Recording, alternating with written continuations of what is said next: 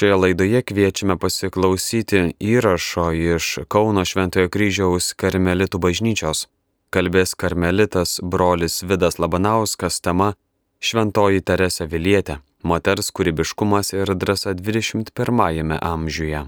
Šiandien norime pakalbėti tema Šventoji Teresė Avilietė - moters kūrybiškumas ir drąsa 21 amžiui.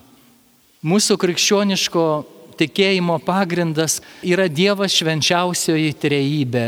Ir visi esame kviečiami įeiti į tą trejybės liepinį, įeiti į bendrystę su Dievu Tėvu per Jėzų Kristų šventojoje dvasioje. Šventam rašte Dievas sako, pradžios knygoje tarė, te želdina žemė augmenyje, augalus duodančius sėklą, visų rušių vaismedžius nešančius žemėje vaisius su sėklomis Taip ir įvyko ir Dievas matė, kad tai gera. Žmogaus gyvenime vyksta toks pat procesas. Dievas kalba žmonėms ir jie tada pradeda kurti.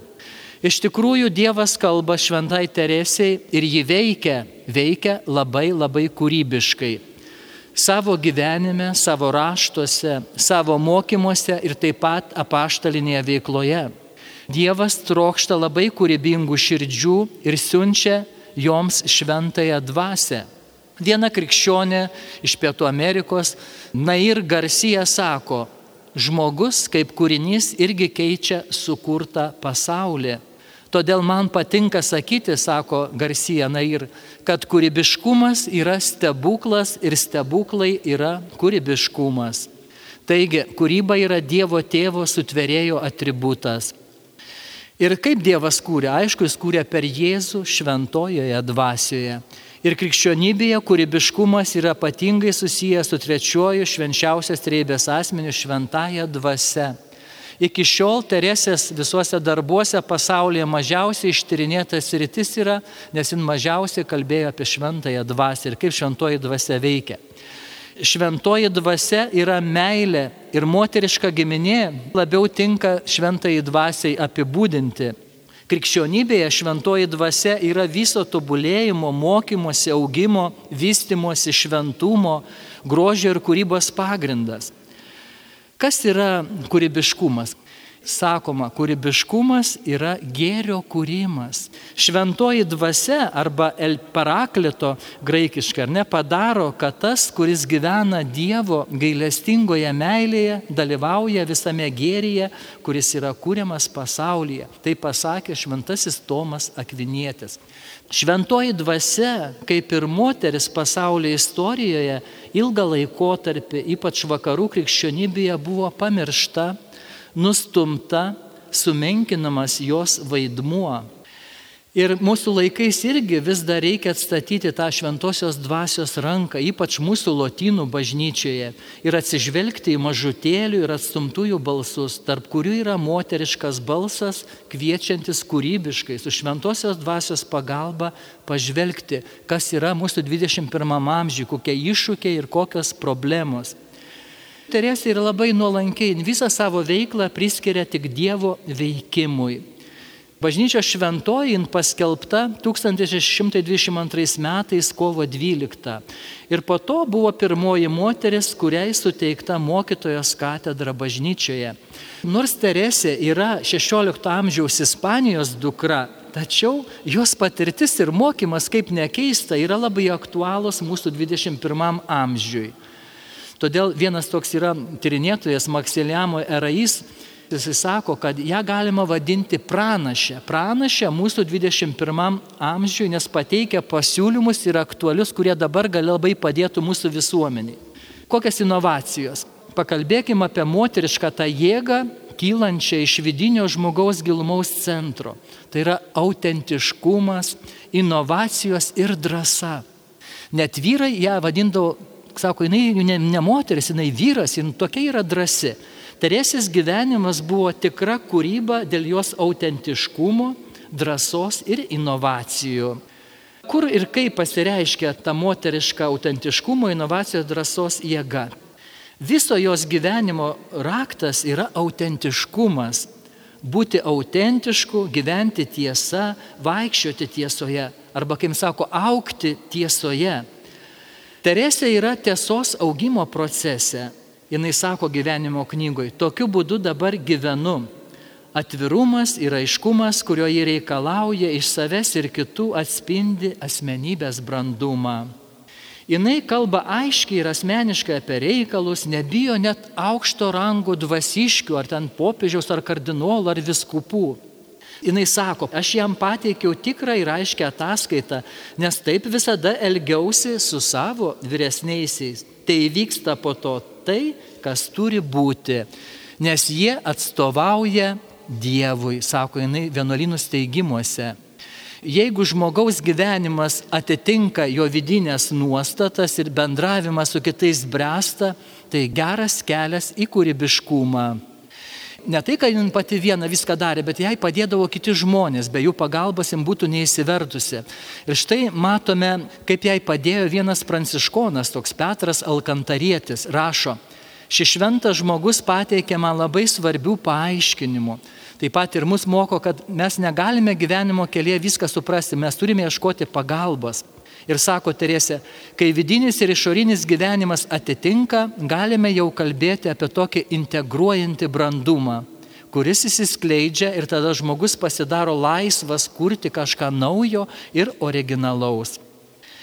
Kokias naujoves ir atnaujinimus siūlo Teresė konkrečiai dvasingume, dvasingumo istorija. Jis iš tikrųjų istoriją atnaujino du aspektus. Pirma, kad patirtis yra labai svarbi ir labai reikšminga, ką žmogus patiria. Ir antras, kad jinai aprašė dvasinį kelią ir jo tą visą vystimąsi arba dinamiką, bet aprašė taip, kad dar pasaulyje niekas nėra nei kryžiaus jonų, nei teresės aplenkę.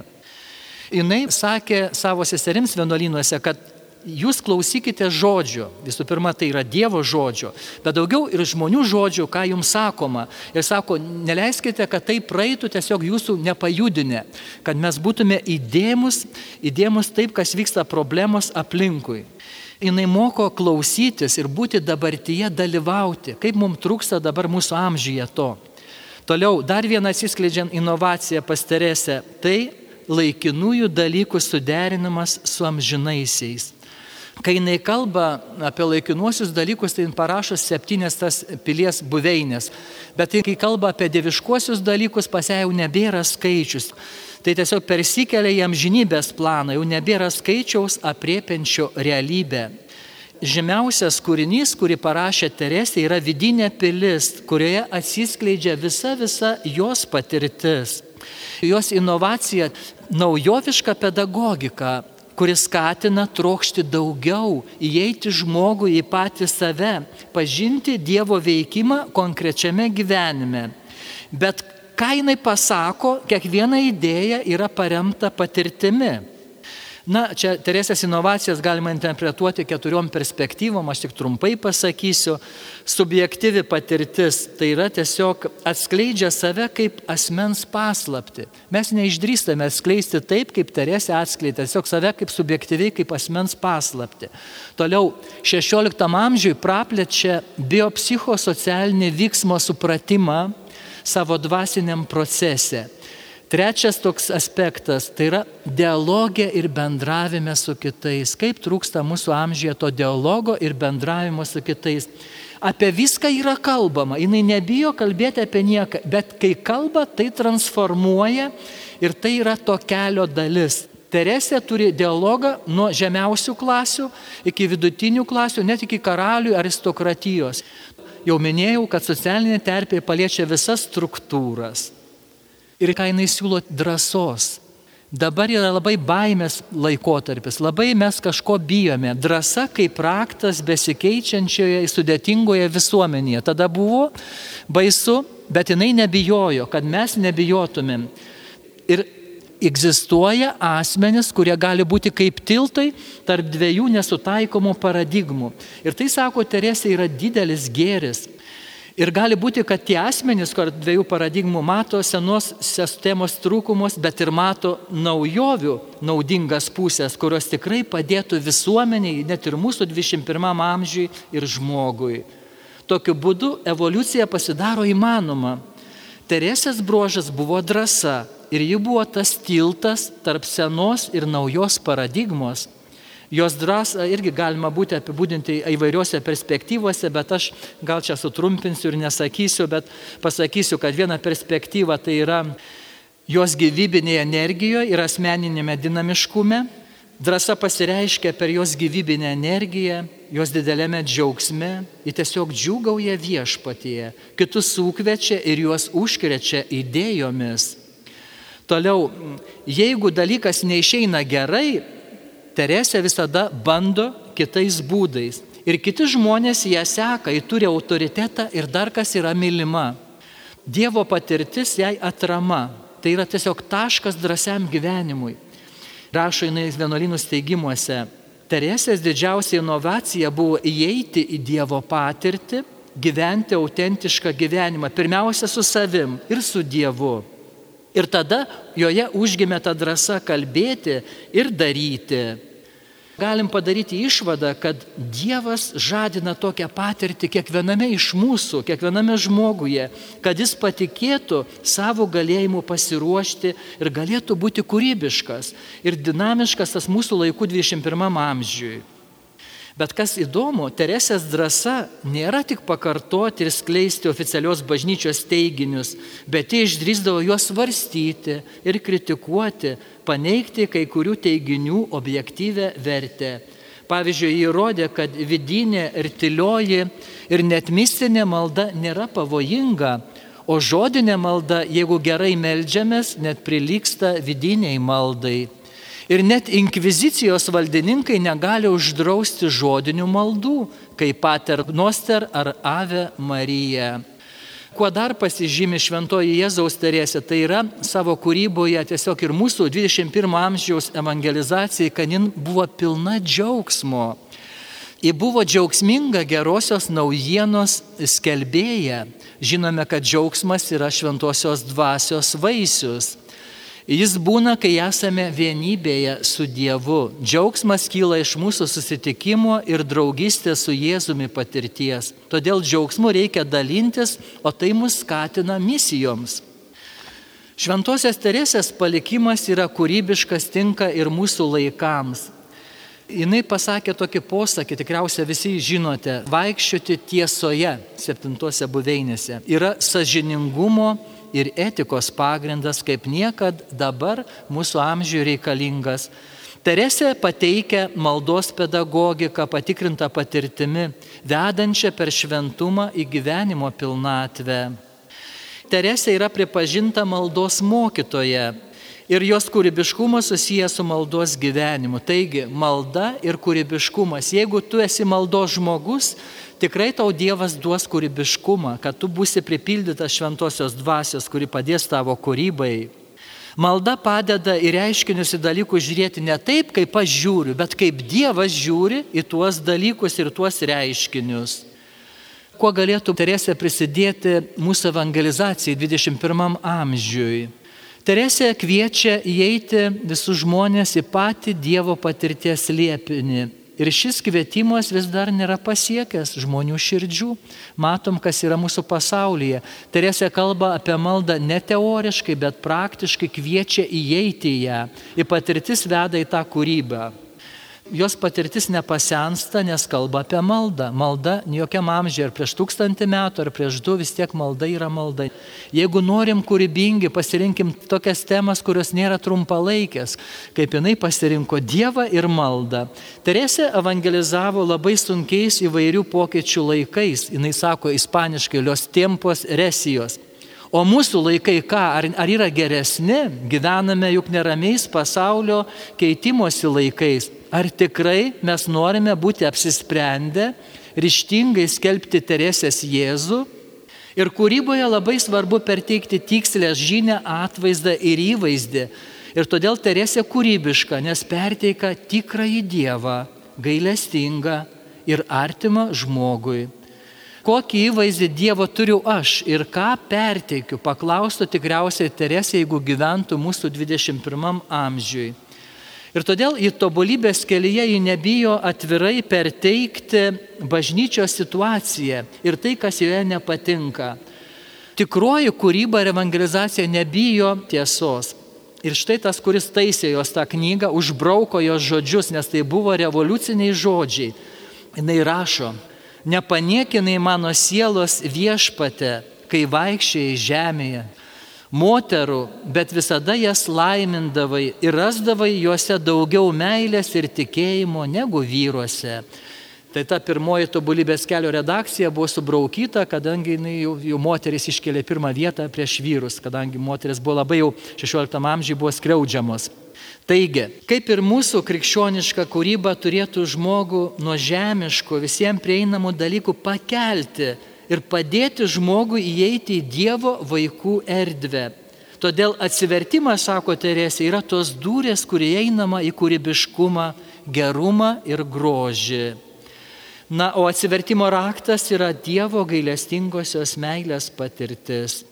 Reikia mums dabar gerų liudytojų 21 amžiuje, kurie liudytų savo gyvenimu ir darbais. Kūryboje vyksta panašiai. Reikia kūrybos, kuri būtų susijęta su gyvenimu. Kiek mes matom atitrūkusios kūrybos. Viešpats nori darbų, sako šventoji Teresė. Raktas gerai kūrybingai evangelizacijai pagal Teresę būtina turėti maldą kuri padaro mus Dievo draugais. O kad taptumėm Dievo draugais, pirmiausia reikia tapti žmonių draugais. Šiame mūsų pasaulyje, kuriame Dievas yra įstumtas į paraštės, Teresė kviečia pradėti nuo Dievo patirties ir mokyti daugiau darbais negu žodžiais. Galim pasakyti, kad mūsų laikais Teresės Karmelio charizma tai būti pasauliui maldos mokykla ir evangelizuoti pakviečiant susitikimui su Dievu per maldą, panašiai, ką dabar visi karmeliai pasaulyje ir daro. Kaip pasireiškia inovacijos jos vienuolynuose, jos kūrybiškumas vienuolynų reformoje? Pirmiausia, tai yra praktiškumas, paprastumas, evangeliniai patarimai ir maldos demokratizavimas.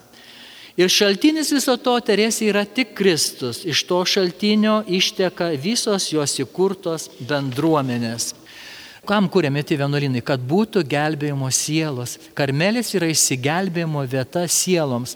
Apaštalavimo motyvas pats pirmiausias. Sako, noriu pagilinti maldos gyvenimą, ryšį su Dievu, Šventos Teresės charizma nekonfliktuoja su institucinė bažnyčia. Kiek mes žinome vairių šventųjų, kurie konfliktuodavo, būdavo konfliktai. Ne, jinai nekonfliktuoja su institucinė bažnyčia ir nuolankiai pildo visus reikalavimus, nes vienuolinio gyvenimo pagrindas yra nuolankumas. Bet tas nuolankumas nereiškia, kad negalima kritiškai peržiūrėti tradiciją ir norėti ją pakeisti siekiant didesnio vienuolinio gyvenimo tobulumo. Vienuolinio gyvenimo pagrindas yra pastuvus noras nuo gero eiti prie geresnio. Dabar kokios absoliučios naujovės, kas iki Teresės pasaulyje nebuvo įvedę. Jis įvedė dvi valandos maldos sugretinama su dviem valandos rekreacija, pokalbiais. To nebuvo. Toliau mažos bendruomenės, nedideli kuklus vienuolynai, socialinių luomenių skirtumų panaikinimas, humanizmas, nuosaikumas ir švelnumo stilius teologinių pagrindų svarba, kad mokintųsi vienuolės. Prie naujovių galima priskirti didesnį dėmesį maldai ir dvasiniam broliškos bendruomenės formavimui. Mes turime būti kaip viena šeima formuotis karmelis dvasiškai, ir kaltes taisyti ne su bizūnais ar kalėjimais, kuriuos turėdavo vienuolinai, bet su meile ir gailestingumu. Taip pat naujovė buvo konstitucijos naujas pradinis tekstas pasižymėjęs paprastumu ir pusiausvyrą. Susumavus viską, ką žinome iš Šventojios Teresės, ten raštų gyvenimo, paštalavimo, matome, jog bendruomenė susikūrė Ne tai, kad atsiskirtų nuo pasaulio, kur dikumo ir melstusi atsiskyrė. Ne, bet turi konkretų tikslą - tarnauti bažnyčiai sekant Jėzų Kristų. Ir įkurtųjų bendruomenių pagrindas - būti Kristuje ir su Kristumi. Ir vis daugiau su juo susitapatinant. Bet svarbiausia bendruomenė ir kiekvieno mūsų yra gyvenime atsivertimas. Tai yra atskaitos ir būtina pradžios taškas bendruomenėse puikiai derinama būtis ir veikimas. Reikalaujame pirmiausia būti, kad paskui veikti. Ir reikalaujama viską daryti ir veikti su liūdėjimo gale, kaip Jėzus darė, ne? Kad liūdėjimas įtikintų, būtina vis labiau panašėti į Kristų ir vis daugiau įsijungti į žmonijos išgelbėjimą. Todėl kviečiam dabar labai visus melstis už taiką.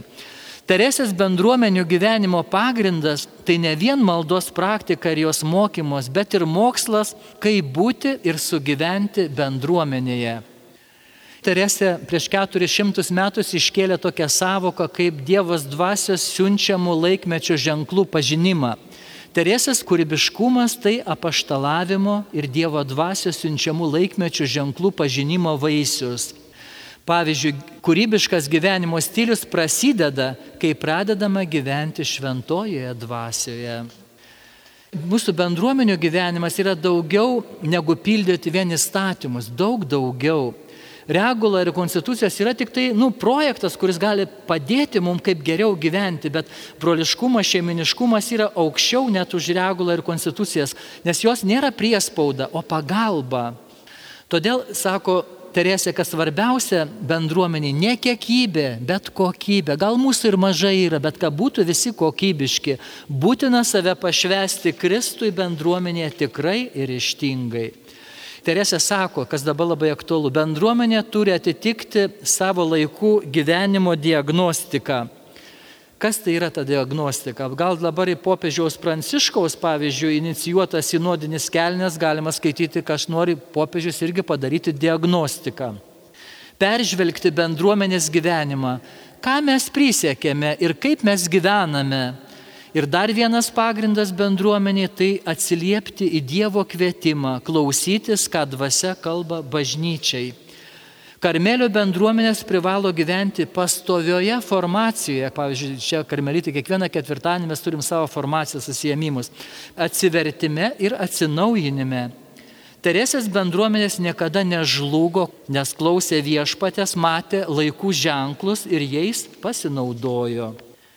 Ką čia kalbu, tinka tai visiems krikščioniškam bendruomenėm. Ir ne tik krikščioniškam, tiesiog mūsų šeimoms, mūsų gyvenimui, paprasčiausia mūsų aplinkai Lietuvoje. Kodėl basųjų karmelitų bendruomenės suklėsti ir gyvuoja iki mūsų dienų, ne? mes ir Lietuvoje esame čia keturios bendruomenės. Pagrindams susiformuoti reikia laiko ir dvasių skirimo dovanos dalis kūrybiško gyvenimo pagrindų yra nekintami ir objektyvus. Čia nesusijęs su prieiškimu ir viešpačiu, bet yra kintama, subjektyvi dalis, kuri pagal laikmečio ženklus ir galimybės gali kisti. Bendruomenė atsilieptų geriau į viešpatės planą, į jo evangeliją. Jėzaus Teresė yra 16 amžiaus mystikė, kuri kviečia į vidinį savęs pažinimo kelią, kuriame atsisklyžia tai, kas sujungia su dievybė. Šis kelias tinka bet kokiam kūrybos keliui. Kas dar labai mūsų amžiui labai reikėtų išterėsis pasimokyti, tai yra moteris kviečianti į dialogą. Matom pasaulio, kai nėra dialogo, prasideda karai. Jis turėjo bendravimą su žmonėmis charizmą ir eidavo į dialogą ir rasdavo būdų, kaip įtikinti Į dialogą galime eiti, aišku, su visais, bet ne su visais pavyksta susitarti, jau žinom iš patirties. Bet jį mokėjo nusižeminti ir priimti teisėtus vyresnybės sprendimus, nors jie nebuvo tobuli. Buvo nuolanki ir paklusni, bet istorija ją pateisino ir matom jos raštai ir mokymai palėtė korektorių rankos buvo atstatyti ir dabar jinai yra mokytoja bažnyčios. Taigi, kūrybiškumas bendraujant ir socialiniuose santykiuose mūsų amžiui progresuotų, jeigu paimtumėm pavyzdį iš Teresės. Taikiai galime daugiau laimėti nei revoliucijom ar karišką laikyseną, kas dabar pasaulyje labai yra kūrenama. Geriausias būdas laimėti konfliktus, sako, yra jų nepradėti, bet eiti į dialogą ir siekti bendrų gėrio tikslų, siekant pasaulį transformuoti Evangelijos prieimimui. Aišku, kiek tai įmanoma iš mūsų pusės. Bet jeigu kyla karai ir konfliktai, laimėtojų nėra nei iš vienos pusės. Taigi, Teresė kviečia į dialogą, praktiškumą, paprastumą, maldos ir veiklos harmoniją bendrystės ryšius su artimąją aplinka ir žmonėje ir atsiliepia į istorinius politinius šūkius. Kokia jos įtaka? Čia įrodinėti nereikia, patys žinote, kad jinai paskelbta šventoji ir bažnyčios mokytoja. Taigi atvėrė naują jos kūrybinio palikimo tyrinėjimo laikotarpį ir suklestėjimą. Bet galvojat, kad Teresė nesikišo į socialinį žmonių gyvenimą, tai labai apsirinkat. Koks jos socialinis mąstymas mūsų laikų problemoms spręsti. Jos doktrina kūrybiškai papildo bažnyčios socialinį mokymą Ji kviečia gerbti kiekvieno žmogaus orumą, ne, nes Dievas yra kiekviename vertingumą, nes tik pradedant nuo teisingos asmenybės savokos galima sukurti socialinę tvarką. Dabar būtinos vertybės, kokios socialinėms problemos spręsti. Pirmiausia, tiesa, paskui laisvė, teisingumas, gailestingumas, darbas, bet ir taikos iniciatyvos. Dabartinė visuomenė gyvena permainų laikais, kurie atneša pozityvius, bet ir labai negatyvius procesus. Tarp negatyvių šventasis Jonas Paulius II ir šventasis Benediktas XVI pažymėjo relativizmą, kuris paneigia tiesą arba prieimimą prie jos. Ir tada visuomenė ką turi daryti? Turi pastoviai dirbti prie naujų prasmių kūrimo. Teresės kvietimas vaikščioti tiesoje ir gyventi tiesoje yra reikalavimas ne tik individualus, bet ir socialinis. Laisvė dar labiausiai minima vertybė mūsų visuomeniai, bet turinys tos laisvės, pažiūrėkime, ištuštėjo. Daugelie šalių pažeidžiama laisvė išpažinti savo asmeninę religiją. Teresė sako, kad laisvė tai yra vykdyti Dievo valią. Laisvė žmoguje yra panašumo į Dievo atvaizdą ir kaip pasiekmė žmogaus orumo ir vertingumo žymus ženklas. Laisvė gyvendinimo žmonių tarpusavio santykiuose. Na, būtų galima daug apie socialinę tą doktriną kalbėti, bet tiesiog išvados iš jos, ką jinai ten visą pasakoja, pasakysiu. Sako Teresė, jei darbas ne dėl Dievo, mes veltui dirbame. Evangelija taip sako. Asmeninis augimas, tiek materialus, tiek fizinis, yra darbas ir kas daugiau dirba, tas aukštesnį lygį pasiekia. Nors ir turime pareigą dirbti, kad pasiektume bendrąjį gėrį, bet tas gėris visada yra Dievo malonė, nes viską, ką atliekama žemėje, nepasiekia tų gėrių ir džiaugsmų, kuriuos patirsime danguje. Ir jeigu darbo pasaulyje svarbiausias yra juk subjektivusis elementas, tai pagarba darbininko orumui, paprastam žmogui, vertingumui. Mes gyvenam labai sunkiame laikmetyje, ne? Ir popiežius Pranciškus yra pasakęs, kad mes jau išgyvename trečią pasaulinį karą, kuris vyksta dalimis. Esame toli nuo taikos. Todėl Teresė kviečia visus į taiką. Antrose buveinėse savo pilyje sako, ramybė, ramybė, seseris, juk viešpats visą laiką mums kviečia į taiką. Ir bažnyčia mus kviečia socialinio mokymo 11 skyrius, sako, siekite taikos. Ir kaip pasiekti? Taika yra teisingumo ir gailestingumo vaisius. Karas visada yra žlugimas ir blogis. Kūrinyje yra dieviškos garbės atspindis trokštant ir besilginti taikos, ramybės. Bažnyčia kovoja už taiką savo maldą.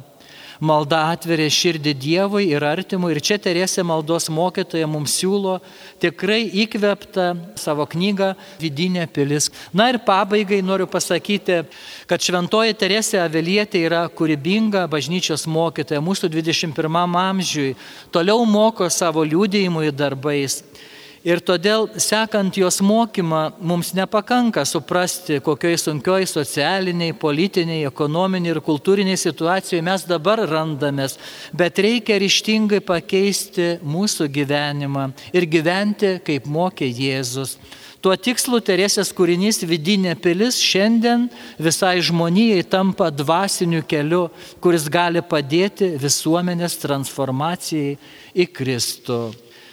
Čia iš to kalbėjimo galima daug punktų išvardyti, bet tiesiog keletą pasakysiu, kas yra labai svarbu iš Teresės. Jis buvo pirmoji, galima sakyti, moters teisų gynėja. Buvo visiškai laisva ir nebijanti rašant savo kūrinius. Ir daugiau baimės buvo tie, kurie taisydavo jos knygas, jie labai bijodavo, kad jų pačių nenuteistų, jeigu jie nepamatys kažkokios klaidos. Įsivaizduokit, kokia drąsi moteris. Puikiai panaudoja dialektinius ginklus. Be baimės atskleidė nemažai to meto teologijos klaidų. Ar dabar nėra irgi teologijos klaidų? Nebijokim, reikia kalbėti. Tai moteris, kuri nebijoja nei inkvizicijos, nei paties velnio, nes pats velnės piktoji dvasia ten atakuodavo. Prašo bažnyčios institucijose moteriams vietos tarnauti ir mokyti, užtarė visą moteriškąją giminę. Ir pasisako prieš šventąją Paulį, kuris liepia moteriams bažnyčioje tylėti jinai negali mokyti, negali pamokslauti viešai bažnyčioje, todėl ieško kitų priemonių ir įkūrė savo uždarus vienuolynus, kurie yra įsigelbėjimo vietos visam pasauliui, bet taip pat ir joms moteriams, kurios gali būti laisvėje, tarnauti Dievui ir nieko nebijoti. Aišku, kritikuoja teologus, dabar irgi galima būtų pakritikuoti už didelį racionalizmą ir kad dėl to nesuvokė šventosios dvasios įkvėpimų maldoje ir duoda mažai vaisių. Moteris tada net švento rašto negalėjo skaityti, jinai reikalauja moteriams, kad leistų skaityti šventą raštą. Teigia, kad sielos turinčios mistinį patirtį yra laisvos ir pajėgios kalbėti drąsiai, ką jie visada ir darė. Dabar labai svarbu, nepritarė idėjai ginklų sulaikyti Europoje prasidėjusias erezijas, nusakykime, mūsų ten karus ar ne, bet siūlo suintensyvinti krikščionišką gyvenimą. Krikščionis, būkite tikrais krikščionimis, kad būtų taika primena vieną teologinę tiesą, kad Dievas gali suteikti mistinės malonės ir nusidėjėliui, kad jį išgelbėtų iš nuodėmės, sako Dievas su nusidėlės. Ne, sako Teresė, gali suteikti.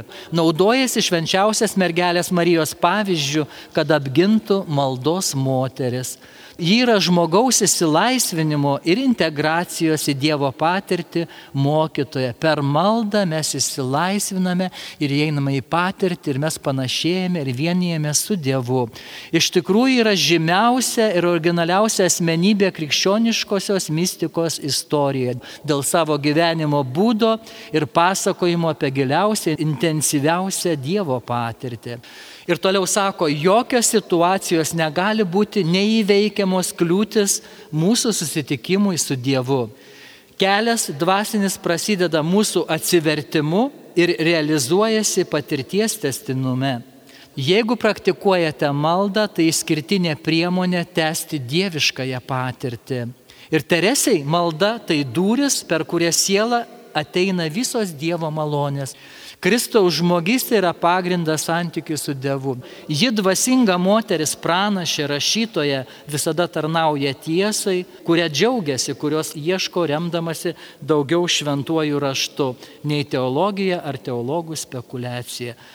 Na, tai pabaigai pasakysiu, kad ji moteris rašo tiesiogiai, atrodo moteriams, vienuolėms, kurios ją lydi naujųjų bendruomenių kūrime bet jinai jau pati jautė savo raštas, kad ją skaitys visi, visas pasaulis. Ir tikrai Teresė 21 amžiuje turi tiek idėjų, tikėsi ir su meilė ragina, jog moteris pačios paimtų į savo rankas gyvenimus ir leistų savo įstatymus asmeninius ir bendruomeninius. Tai pasako 16 amžiuje. Ir tuo būdu ši geniali moteris keletą amžių aplenkia popiežiaus Paulius VI apaštalinį laišką Eklesija Sante 1966 metų, kuriame prašoma visų religinių šeimų ordinų bendradarbiauti, kuriant įstatymus. Todėl, baigiant, paprašykime šventosios Teresės Avilietė, kad jinai užtartų mus pas viešpati ir duotų mums pamaldžią širdę, duotų mums maldos gyvenimą, per kurį mes vienijame su Dievu, einame į šventumą ir pasaulis prasidės keistis nuo mūsų pačių per maldą. Klausėmės įrašo iš Kauno Šventojo kryžiaus karmelitų bažnyčios, kalbėjo karmelitas brolis Vidas Labanauskas tema Šventoji Teresė Avilietė - moters kūrybiškumas ir drąsa 21-ame amžiuje. Likite su Marijos radiju.